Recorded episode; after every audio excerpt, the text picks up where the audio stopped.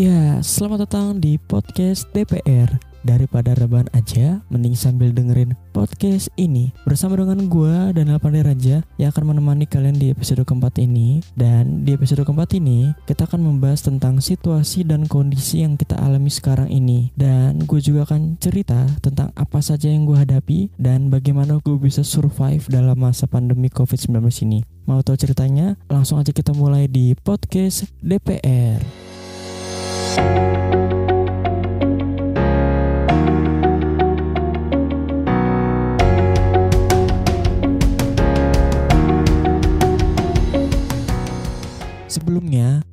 Perkenalkan diri dulu. E, nama gue adalah Pandey Raja. Gue ini berkuliah di salah satu kampus swasta di Jakarta Timur. Dan gue sekarang ini sudah ada di semester 7 gue berkuliah jurusan fakultas hukum gitu ya karena di waktu SMA dulu pun gue tertarik dengan dunia hukum gitu ya dan gue suka dengan dunia hukum membahas-membahas tentang politik pun gue suka gitu ya dan seperti yang tadi gue bilang juga guys, bagaimana situasi dan kondisi sekarang ini tentang COVID-19 ini, apa sih yang terjadi dengan kondisi sekitar dan masalah apa yang ada gitu ya. Nah sebelum gue lanjut, dua atau tiga minggu yang lalu gue ke kampus karena gue ingin ngecek situasi yang ada, apakah masih kuliah online atau offline gitu ya di semester yang baru ini. Dan ketika gue ke kampus, gue datang dong ke warung yang ada di depan kampus gitu ya. Lalu gue ngobrol sama pemilik warung itu Mang gimana nih? gitu ya jualan gitu ya basa-basi dulu gitu kan. Nah abis itu dia cerita tuh ada juga istrinya gitu ya. Istrinya bilang waduh selama pertama kali PSBB tuh waduh warung tutup total gitu ya tiga selama tiga bulan. Kampus juga tutup dan pendapatannya pun nggak ada gitu ya. Yang mau beli warung biasanya kan dari kampus. Nah waktu itu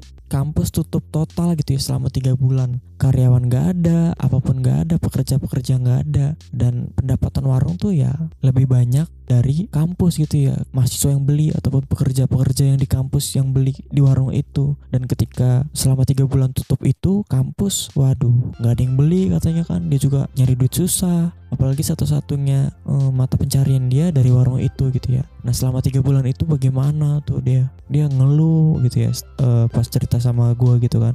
Ngeluh. Gue gue juga agak sedikit sedih juga gitu ya. Ternyata ya setelah kondisi sekarang ini berjalan dengan baik dulu tuh ada perjuangan yang dia harus lakukan gitu ya kan. Selama tiga bulan itu nggak ada penghasilan dia harus mungkin gitu ya bisa minjem ke saudaranya ataupun temennya atau siapa pun atau berjualan keliling atau berjualan online bayangin teman-teman tiga bulan di rumah nggak ngapa-ngapain maksudnya nggak nyari kerja nggak dapat penghasilan dan dia harus makan juga dong gitu ya dia harus membeli sesuatu gitu ya untuk memenuhi kebutuhan hidupnya tapi pemasukannya nggak ada gitu ya nah itu salah satu yang terjadi dalam sekarang-sekarang ini dan masalah-masalah seperti itu. Mungkin masalah yang utama adalah kesehatan, betul gitu ya. Masih banyak orang-orang di sekitar kita yang mulai terdampak COVID maupun yang terinfeksi COVID-19 ini. Dan menurut data pun semakin banyak orang yang terinfeksi gitu ya. Makin hari, sehari mungkin bisa sampai 1000, 2000 atau 3000 orang yang terkonfirmasi positif COVID-19.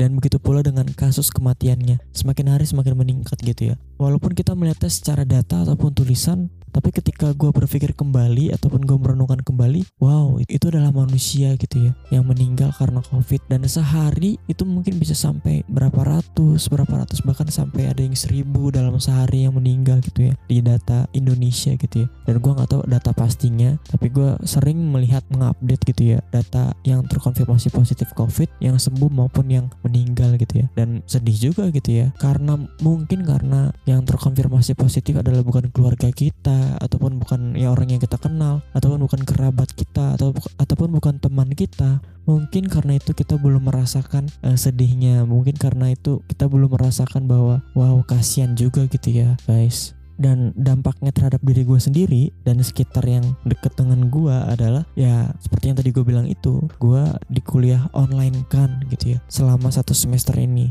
Dan rencananya pun semester ke depan pun semester ganjil pun gue akan online juga sampai ke semester yang genap berikutnya tahun depan berikutnya. Dan gue nggak tahu sampai kapan harus berada di rumah untuk kuliah online. Mungkin kalau sebulan atau seminggu dua minggu tiga minggu kuliah online tuh asik-asik aja seru-seru aja. Tapi kalau udah sampai tiga bulan empat bulan bahkan satu semester wow. Bete juga gitu ya di rumah bosan juga di rumah ya. Kuliah di rumah ngerjain tugas di rumah apa apa di rumah gitu ya kan. Bete juga karena kita ini adalah makhluk sosial yang membutuhkan interaksi satu sama lain gitu ya. Kita butuh ngobrol kita butuh cerita kita butuh uh, bercanda-canda gitu ya. Kita butuh have fun seru-seruan. Bahkan dengan hal-hal yang remeh-temeh kita perlu hal-hal gitu. Karena kita adalah makhluk sosial guys.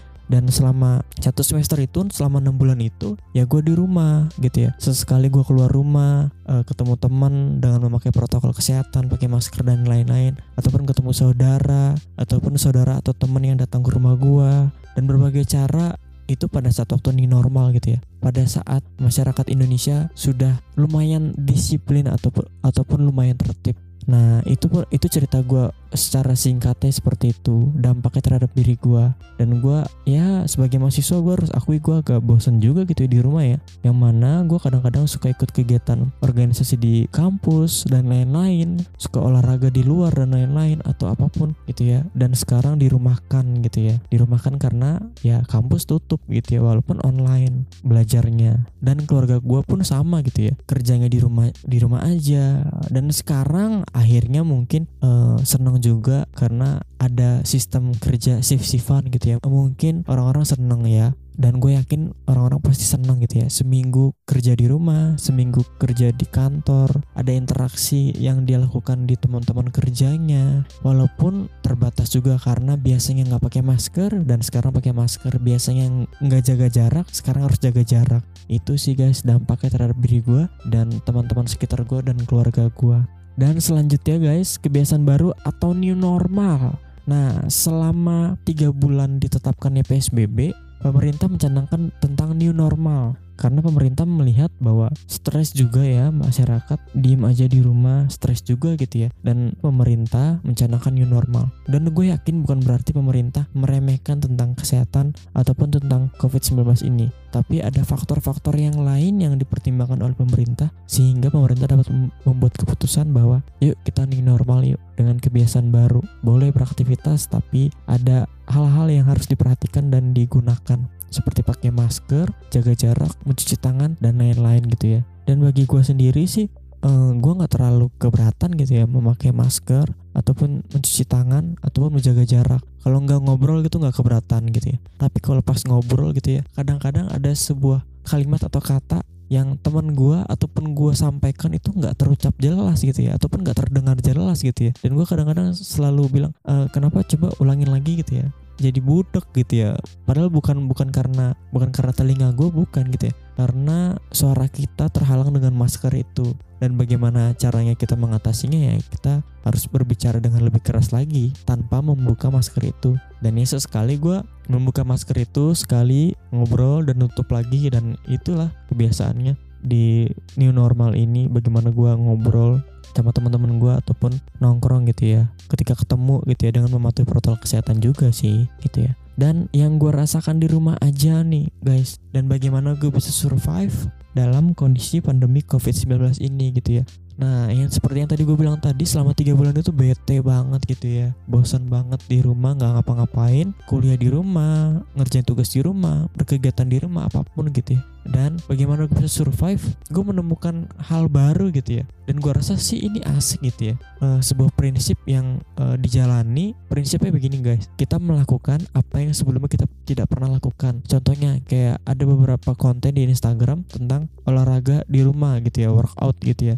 dan gue coba gitu gue lakuin di kamar. Bagaimana gue coba uh, ngeplank sit up push up dan lain-lain gitu ya. Gue cobain gitu ya. Dan itu yang membuat gue kadang-kadang lebih disiplin hidupnya gitu ya. Gue tertib banget bangun pagi gitu ya dan tidur pun gue nggak nggak lewat dari jam 11 di bawah jam 11 gitu ya. Jam 10 jam setengah 11 ya paling lama jam 11 lah. Dan gue tuh bangun selalu pagi-pagi gitu ya. Karena gue melakukannya itu. Gue setiap pagi se setelah bangun tidur gue melakukan itu. Dan siang-siang dan sore-sore gitu ya. Dan gue rasa bahwa wah ada manfaatnya juga gitu ya. Ada sesuatu hal yang baru juga yang bisa gue lakukan gitu ya ketika gue di rumah gitu ya. Dan penyebabnya adalah pandemi covid-19 ini gitu ya. Jadi gue bisa tahu hal-hal yang baru tentang dunia olahraga. Yang sebelumnya gue tahu ya olahraga ya kalau nggak futsal badminton berenang dan lain-lain ataupun biasanya gue terakhir olahraga yang yang harus pemanasan dulu ada pendinginan dan isinya gitu ya. Ya waktu SMA dulu gitu ya. Dan itu ada pemanasan dan itu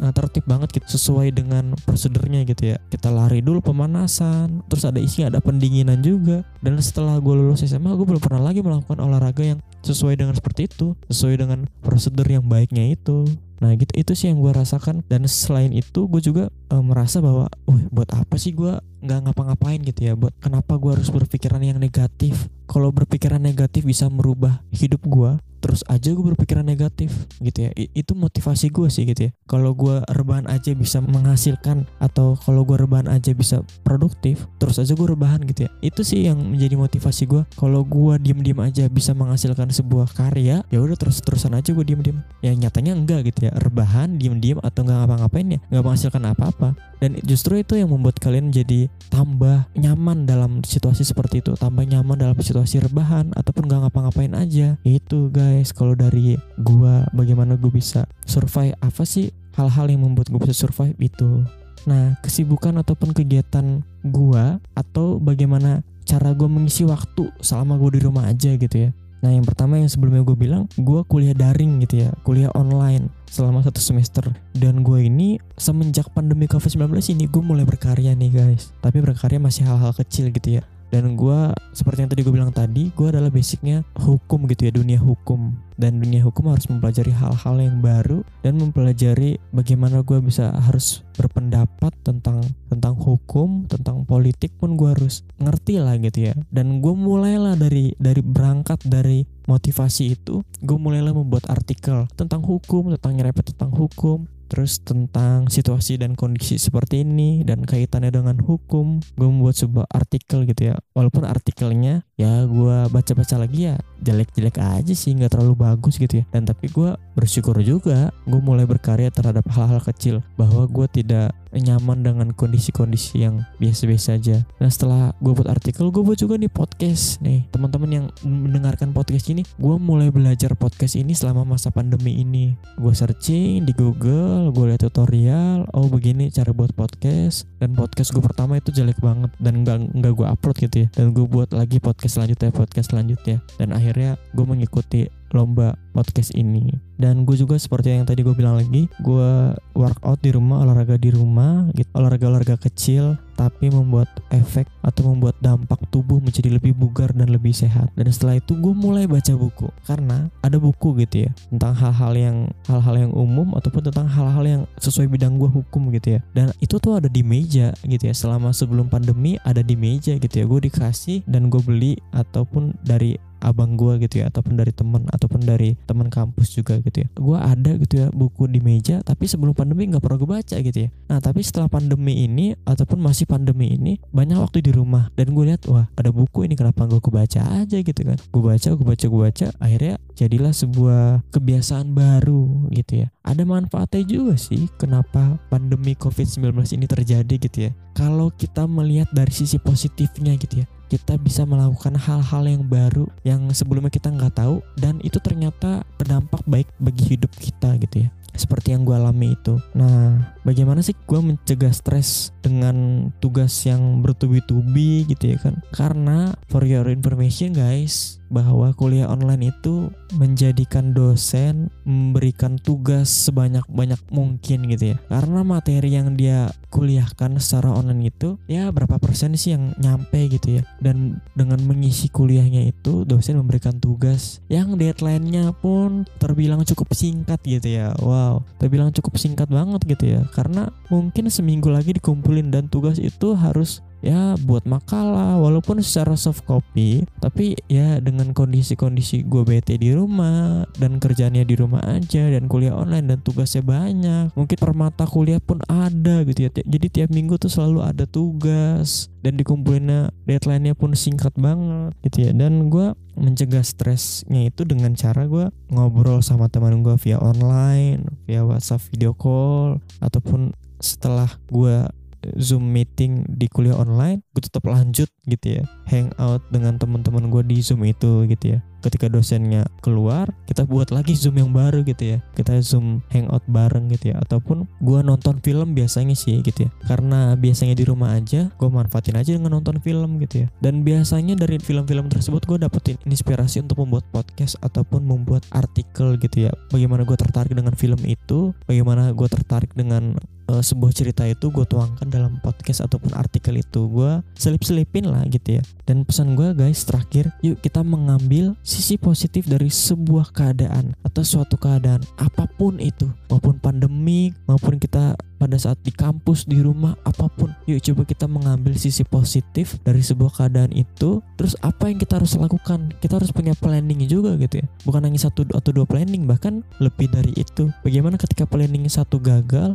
kita harus melakukan planning yang kedua gitu ya. Hal-hal yang seperti itu yang membuat kita menjadi lebih semangat lagi lebih bergairah lagi guys dalam dalam situasi seperti ini. Apalagi sebagai seorang mahasiswa gitu ya. Dan gue adalah mahasiswa tingkat akhir yang akan mempersiapkan mempersiapkan skripsi gue dan gue lagi pusing juga untuk mencari gedul ya gue harus membuat gue semangat dan bergairah lagi bagaimana ya gue harus ambil semua hal-hal yang positif dari sebuah kejadian. Gue tolak semua hal-hal yang negatif. Biasanya tuh pikiran kita tuh suka aneh-aneh gitu ya. Nah tapi pikiran itu bisa ditaklukkan guys. Pikiran itu yang kendalikan adalah kita sendiri. Jadi kita bisa memilih mana yang kita mau ambil, apakah yang positifnya ataupun yang negatifnya, guys. Dan yang kedua, terus produktif, terus bergerak, terus memikirkan hal-hal yang baru, terus berkarya. Jangan stop ya, jangan rebahan aja. Jangan males. Coba kita lawan males kita gitu ya coba kita survive gitu ya dalam situasi dan kondisi seperti ini. Pasti ada hal-hal yang baru yang bisa kita lakukan dalam situasi seperti ini. Pasti peristiwa ini ataupun kejadian ini akan mengajarkan kepada kita